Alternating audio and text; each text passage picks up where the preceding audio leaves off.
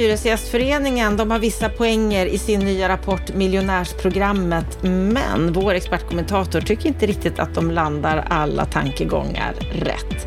Och när det gäller att få en ökad trygghet i våra bostadsområden, då fyller BIDS en viktig funktion. Det kommer vi också att prata om, Fastighetsägarnas nya rapport. Och eh, Socialdemokraterna, de har kommit med skuggbudget. Mm. Gör de egentligen rätt analys när det gäller startlånen? Vi får höra vad vår expertkommentator tycker om det. Lennart Weiss, han är kritisk till Göteborgs bostadspolitik. Det ska du få höra alldeles strax. Varmt välkommen till veckans Aktuellt härifrån oss på Bopolpodden. En vecka då det har hänt väldigt mycket, ett längre program, för det är mycket som vi vill täcka och berätta om. Jag hoppas att du gillar det du hör. Jag heter Anna Bellman.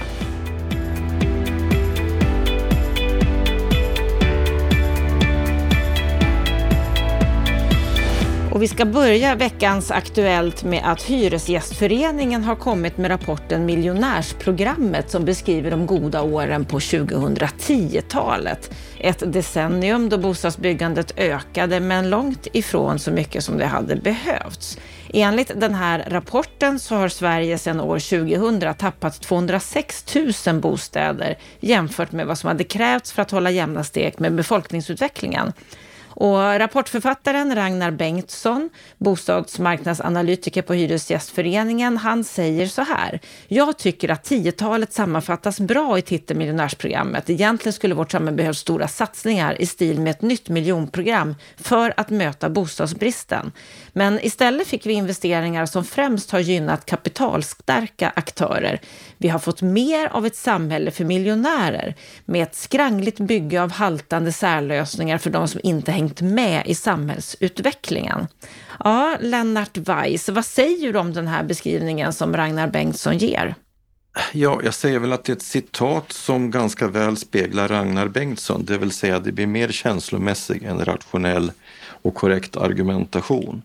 För det första så är det ju väldigt svårt att begripa uttrycket haltande särlösningar. Hur jag än tänker och funderar så kan jag inte se att vi har haft särskilt mycket av särlösningar utan vad vi har haft det är ett bostadsbyggande som har varit väldigt starkt kopplat till eh, hushållens ekonomiska förmåga att efterfråga respektive kapitalmarknadens funktionssätt. Och det kan man ju kritisera, men om man sätter ihop det med det låga bostadsbyggandet så är det ju snarare så. Och då refererar jag till länder som har särlösningar.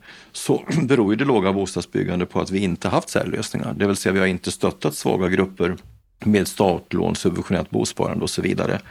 Alltså Hyresgästföreningen har en tendens att återupprepa samma felaktigheter hela tiden och skylla det relativt sett lägre bostadsbyggande i Sverige på att vi inte har generella statliga, eh, en generell statlig finansiering. Men det håller ju inte när man jämför med andra länder. Norge har ju byggt lika mycket under de senaste 30 åren som Sverige med en hälften så stor befolkning. Varför? Jo, därför att man har stöttat hushållens efterfrågan. Den politiken vill inte Hyresgästföreningen ha. De vill ha en statlig politik inriktad på att stötta och subventionera hyresrätten. Så att det här är intressepolitik, tyvärr inte i sin mest eleganta och mest genomtänkta form. Men då måste jag fråga dig, för det är fler saker som de menar här. Hyresgästföreningen, de menar också att välmående kommuner åker snålskjuts på andras byggande. Och Ragnar Bengtsson, han skriver tillsammans med chefsekonomen på Hyresgästföreningen Martin Hoveberg på Dagens Samhälle så här, att i de rikare kommunerna så saknas politiska förutsättningar. Där trumfar kommuninvånarnas vilja att bevara villakaraktären behovet av expansion. Och typiskt sett är de ovilliga välmående pendlingskommuner runt omkring våra storstäder som åker snålskjuts på grannkommunernas ansträngningar och arbetskraft.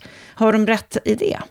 Ja, det har de däremot en hel del rätt i och där har de samma kritik som Timbro har framfört. Eh, och det handlar helt enkelt om bostadspolitikens utbudssida, hur man stimulerar utbudet av mark. Där håller jag med dem.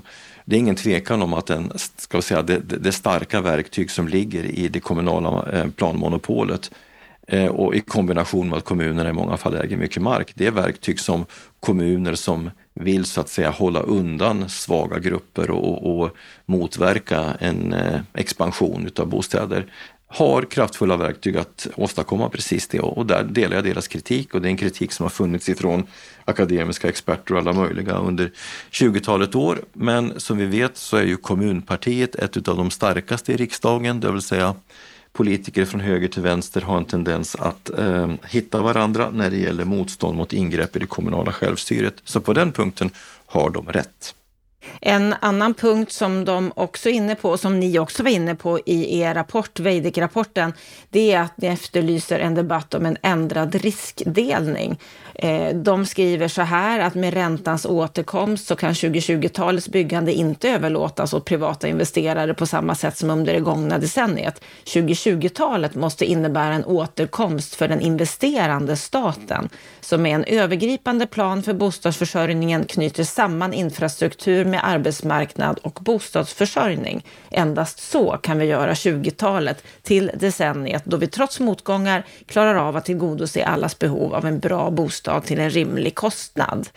Ja, vad säger du om, om den här uttalandet och deras efterlysning av riskdelning? Ja, uttalandet innehåller ju både ett moment utav analys och ett moment, ett moment utav slutsats. Och jag kan hålla med om att vi i det här läget som vi är nu måste diskutera riskdelning. Och det beror ju helt enkelt på att eh, vi har lagt sådana restriktioner på hushållens möjligheter att så att säga utifrån egna inkomster finansiera sitt boende. Och då menar jag följande, vilket ju många analyser visar, hushållen har Eh, alltså väldigt stora delar utav hushållen har möjligheter att finansiera, förlåt, att, att betala de löpande kostnaderna för sitt boende. Men på grund utav olika typer av kreditmarknadsrestriktioner så kan de inte finansiera eh, bostadsinvesteringen utan tvingas då till dyra nyproducerade hyresrätter. Och inte ens de finns det ju förutsättningar för nu då, på grund utav ett antal eh, förändringar i, i eh, omvärldsmiljön. Och då är det ju korrekt att det behövs en ny typ av riskdelning, men hur den ska se ut är fortfarande en öppen fråga. Eh, och som jag, vi skrev, jag och Attefall i Veidekkes senaste marknadsrapport, så finns det ett kan man, alltså finns det ett historiskt klassiskt högersvar på det och det finns ett historiskt klassiskt vänstersvar. Och just nu så är ju problemet att ingen av sidorna anvisar ju någon typ av riskdelningsfilosofi, eh, vilket gör att vi står inför, ja, vi, vi, är redan i en krasch och den riskerar att bli långvarig. Så jag tycker att det är en diskussion man kan föra det skulle dock vara bra om den inte fördes med så starkt ideologiska eh, övertoner om en sån bias för eh, hyresrätter och statliga investeringsprogram som Hyresgästföreningen har en tendens att hemfalla till. Men man kan samtidigt erkänna att den typ av åtgärder de beskriver, det vill säga att staten tar en del, ett delansvar i vart, i vart fall för finansieringen. Det är den typ av lösningar som sannolikt måste diskuteras. Och eh, då kan man ju säga i så mått och som Hyresgästföreningen för fram den typen av krav så väntar den på ett borgerligt svar och än så länge så väntar den och jag tror att svaret kommer att dröja därför att eh, de borgerligas problem det är att man har accepterat Riksbankens och eh, Finansinspektionens problembeskrivning. Det vill säga det är ett problem om hushållen Eh, belånar sig. Det är ett problem om fastighetsbolagen belånar sig. Det är ett problem om bankerna i större utsträckning är exponerade mot bostads och fastighetssektorn. Och om man erkänner den problembeskrivningen, ja, då kan man ju säga att då kryper Hyresgästföreningens recept närmare. Då måste staten bli en mer aktiv aktör. Och det tror jag faktiskt inte att de borgerliga har tänkt sig. Jag tror faktiskt inte ens att en socialdemokratisk finansminister har tänkt sig det. Och det är det som på något vis är bostadspolitikens stora tragedi just nu. Det är ingen som tänker i systemtermer. Mm. Och då ska vi fortsätta på det spåret och vi ska fortsätta med Hyresgästföreningen för deras förbundsordförande Marie Linder, hon har ju varit i ropet i veckan. Hon menar att regeringen tar inte bostadsfrågan på allvar och att inte heller den tidigare regeringen gjorde det. Hon säger så här att om staten menar allvar så skulle man ha tillsatt en kriskommission om hur man ska lösa bostadskrisen i Skellefteå, och Boden och däromkring. Jag vill ge ett underbetyg till både den tidigare och den nuvarande regeringen för att man inte tar bostadsfrågan frågan på allvar. Och då nämner hon ju situationen här i norr. Vi pratade ju om det i Bopolpodden förra veckan och vi har ju nämnt utmaningarna i norr vid ett flertal tillfällen. Vad säger du Lennart? Håller du med om att våra regeringar, både nuvarande och tidigare, får underbetyg och att det är läge för en kriskommission? Ja, faktiskt. Jag håller med henne i båda avseenden. Jag blev rätt så upprörd när jag såg att Larry Söder här för ett par veckor sedan, alltså KDs bostadspolitiska talesperson, var ute och sa att det var inte läge för en kriskommission just nu. Hade han suttit i opposition så hade han definitivt hävdat det. Den typen av opportunism ogillar jag. Därför att läget på bostadsmarknaden just nu är det allvarligaste vi haft sedan i början på 90-talet. Och jag vidhåller det som Veidekke säger i sin analys, att vi står inför en djup samhällsbyggnadskris. I så mått så har Hyresgästföreningen rätt. Det kommer bli extremt svårt, för att inte säga närmast omöjligt, att få fram de bostäder som behövs uppe i norra Norrland eller i Göteborgsområdet eller i Stockholmsområdet. Och det motiverar en kriskommission. Men jag skulle vilja addera till. Vad som behövs nu, Anna, det, det är först en realistisk nulägesanalys utav sakförhållandena. Den saknas. För det andra behövs det en kriskommission för åtgärder på kort sikt för att ändå knuffa ett antal projekt över kanten. Men sen behövs det en, en långsiktig idé om hur framtidens bostadsbyggande ska finansieras och det saknas också. Så att eh, i problemanalysen och i konsekvensanalysen så delar jag Hyresgästföreningens eh, beskrivning. Och tyvärr är det så att eh, bostadsfrågan har så att säga eh, frånskilts ifrån det större begreppet, nämligen samhällsbyggandet. Och det visar ju helt enkelt att politiken har abdikerat i det avseendet. Man har mer, mer eller mindre medvetet överlåtit samhällsbyggande till marknadsaktörer. Och det fungerar så länge marknaden så att säga förses med kapital. Men om, men om marknaden blir kreditbegränsad, då fungerar inte det. Och då krävs det andra lösningar. Så även där har Hyresgästföreningen rätt. Även om jag inte Eh, är beredd att ställa mig bakom Hyresgästföreningens program för det blir väldigt statssocialistiskt och det tror jag inte vi eh, vare sig betjänt av eller egentligen eh, befrämjar de mål som man har satt upp. Jag menar, den, de politiska reformer vi gjorde på 1990-talet kom ju som ett svar på problem som den gamla bostadspolitiken förorsakade. Det finns element av den som man behöver väcka till liv, men att väcka till liv hela programmet, det skulle bara skapa nya problem. Mm. Vi ska lämna Hyresgästföreningen, men vi ska vara kvar i statlig inblandning. Vi ska få ett annat perspektiv på det som investeringsrådgivaren Dag Detter ger på DI debatt under rubriken Statens fastigheter är bostadskrisens lösning. Han menar att om offentligt ägda fastigheter hade marknadsvärderats så hade potentialen i dem synliggjorts på ett annat sätt. Och han skriver så här att staten, Sveriges största fastighetsägare, har oanade möjligheter att omvandla tidigare kontorshus och andra fastigheter till bostäder. För att det ska ske så behöver samtliga fastigheter värderas och bokföras till sitt marknadsvärde. Det skapar inte bara incitament för underhåll och renovering utan aktualiserar även den avgörande frågan om fastigheten används på bästa sätt. Och först då blir det uppenbart att till exempel en fastighet som radio och tv-huset på Gärdet i Stockholm är mer lämpligt som bostadsområde än kontor och parkeringsplats för de anställda i de statliga etermedieföretagen. Ja, Lennart, hur ser du på de här tankarna som Dag Detter har?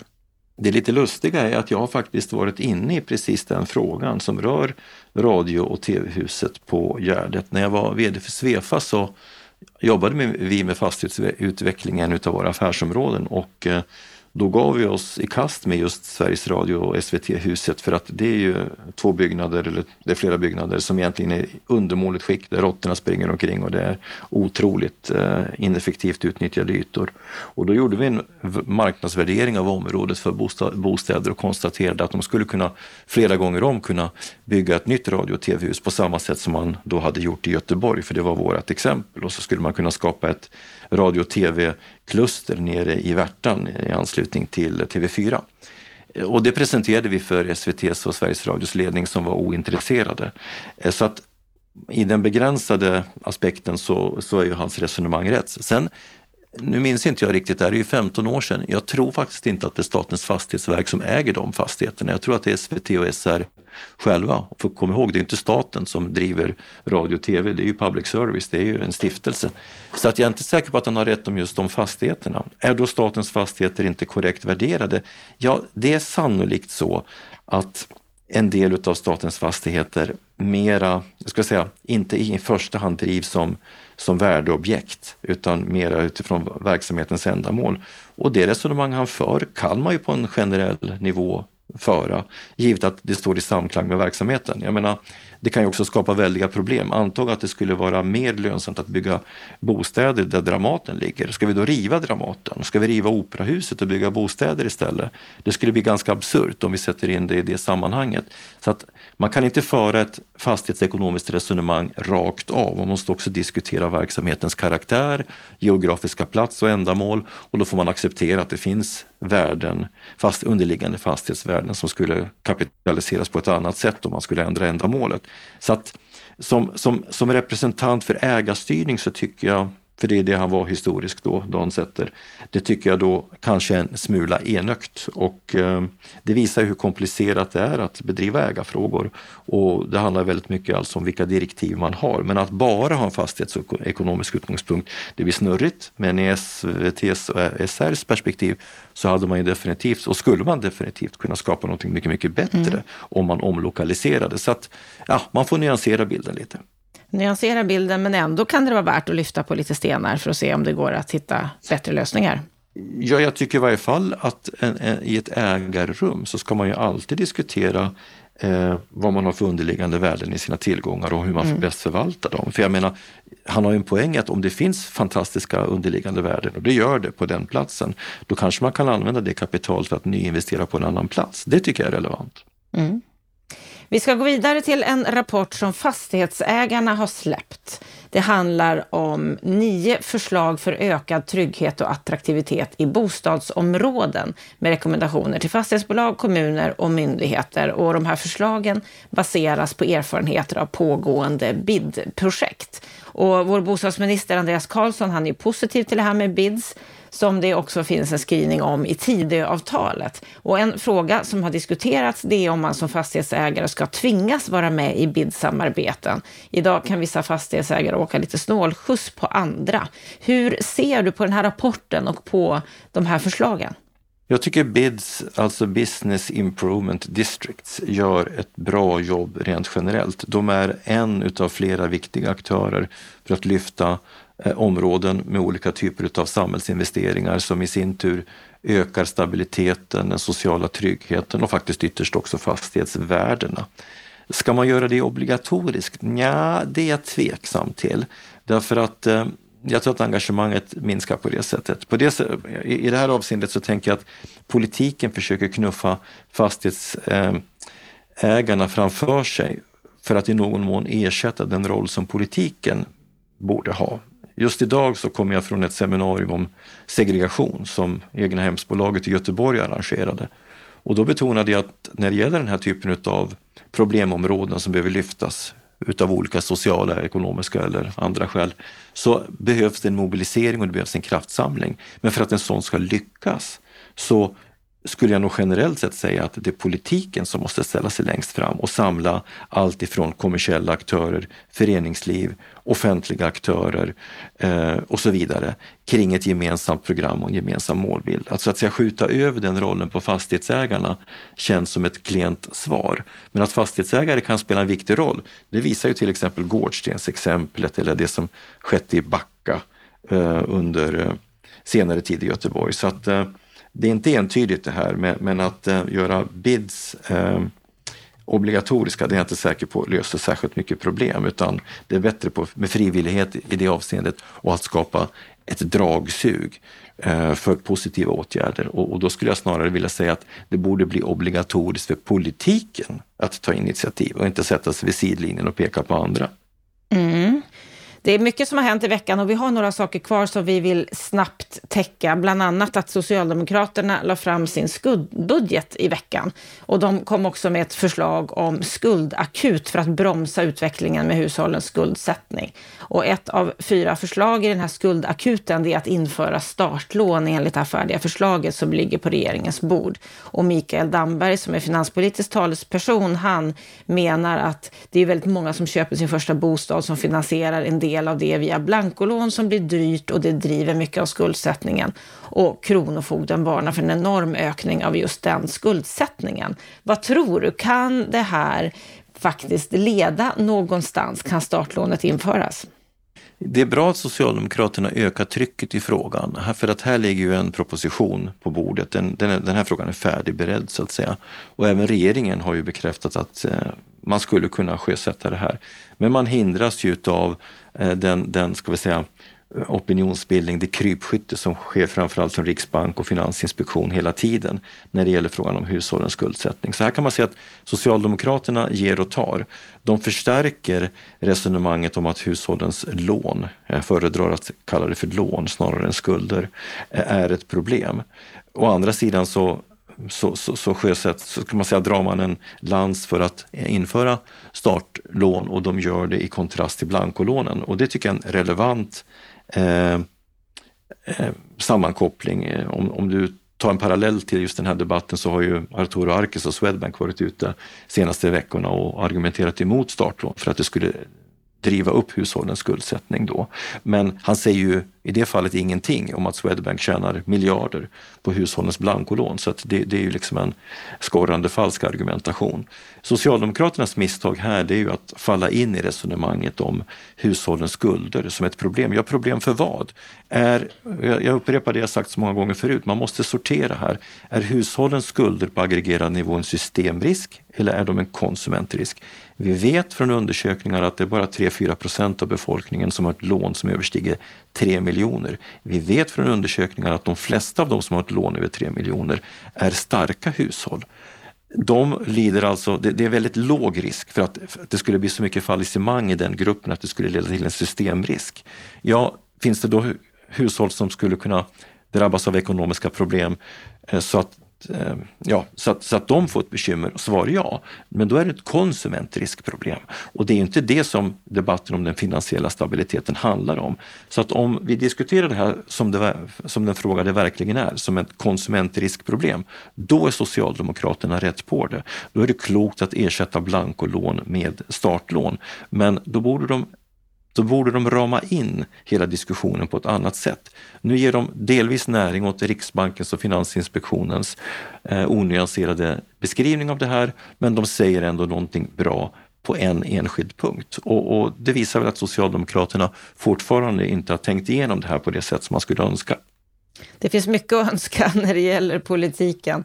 Vi ska gå vidare och titta på något som hände för drygt två år sedan. I januari 2021 så slopades räntan på uppskov efter reavinster vid bostadsförsäljningar. Och det var en del av januariavtalet. Och syftet med den reformen det var att öka rörligheten på bostadsmarknaden. Och Mäklarsamfundet de har undersökt hur uppskoven används och hur slopandet av räntan har påverkat. Och André Nilsson som är bostadspolitisk expert på Mäklarsamfundet, han säger så här att nackdelen med stora uppskov det är att det kan bli en skattesmäll för den som flyttar till mindre. Konsekvensen är att andelen seniorer i villaområden ökar samtidigt som trångboddheten bland barnfamiljer ökar. Ska vi få till ökad rörlighet på villamarknaden så behöver reavinstskatten minska för de som bott länge i samma bostad.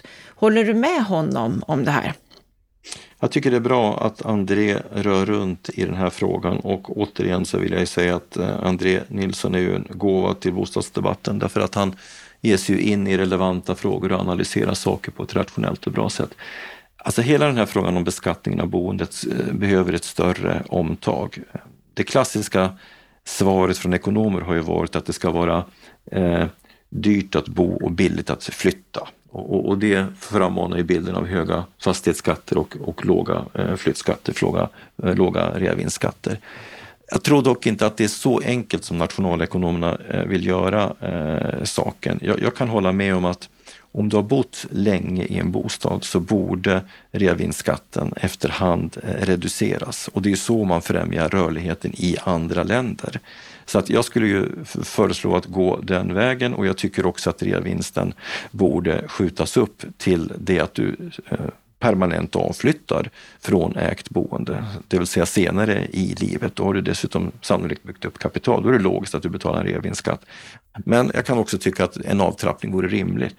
Eh, och istället så borde vi diskutera någon typ av reformerad fastighetsavgift. Vi har ju en sån idag, men den är ju i praktiken regressiv eftersom du har ett tak och då betyder det att lågt taxerade fastigheter beskattas högre än, än, än, än högt värderade fastigheter. Så det finns flera problem här, men de är svåra och eh, de väcker känslor och de skapar eh, med all rätt kan jag också tycka en diskussion om hur man ska beskatta det själva faktum att du bor.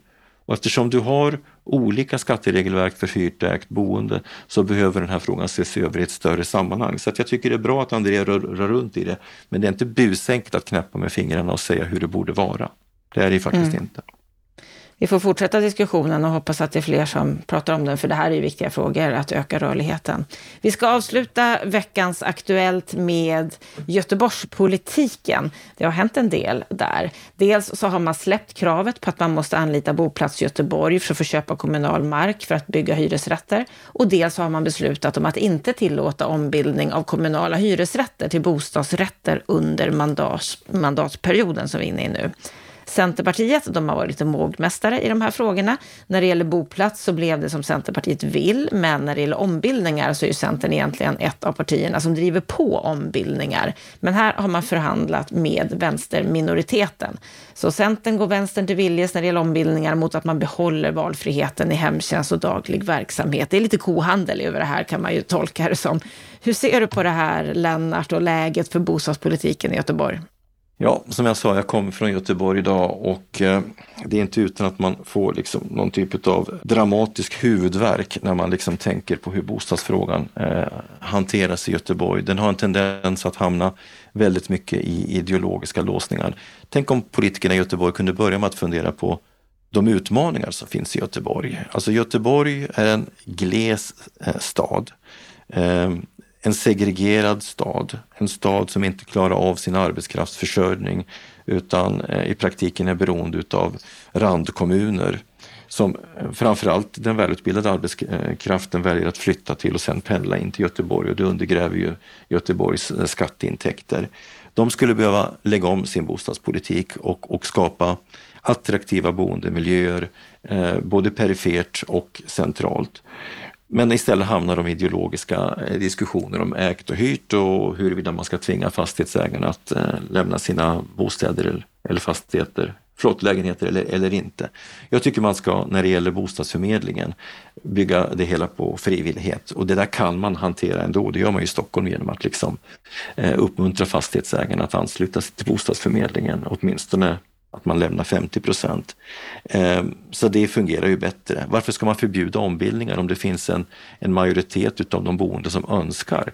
Jag tycker däremot inte att man ska liksom forcera fram ombildningar mot hyresgästmajoritetens vilja utan då ska man ju befrämja andra lösningar som att bygga på fastigheterna och 3D-bilda dem och, och, och kompletteringsbebygga och så vidare som det finns många goda exempel på i Göteborg också.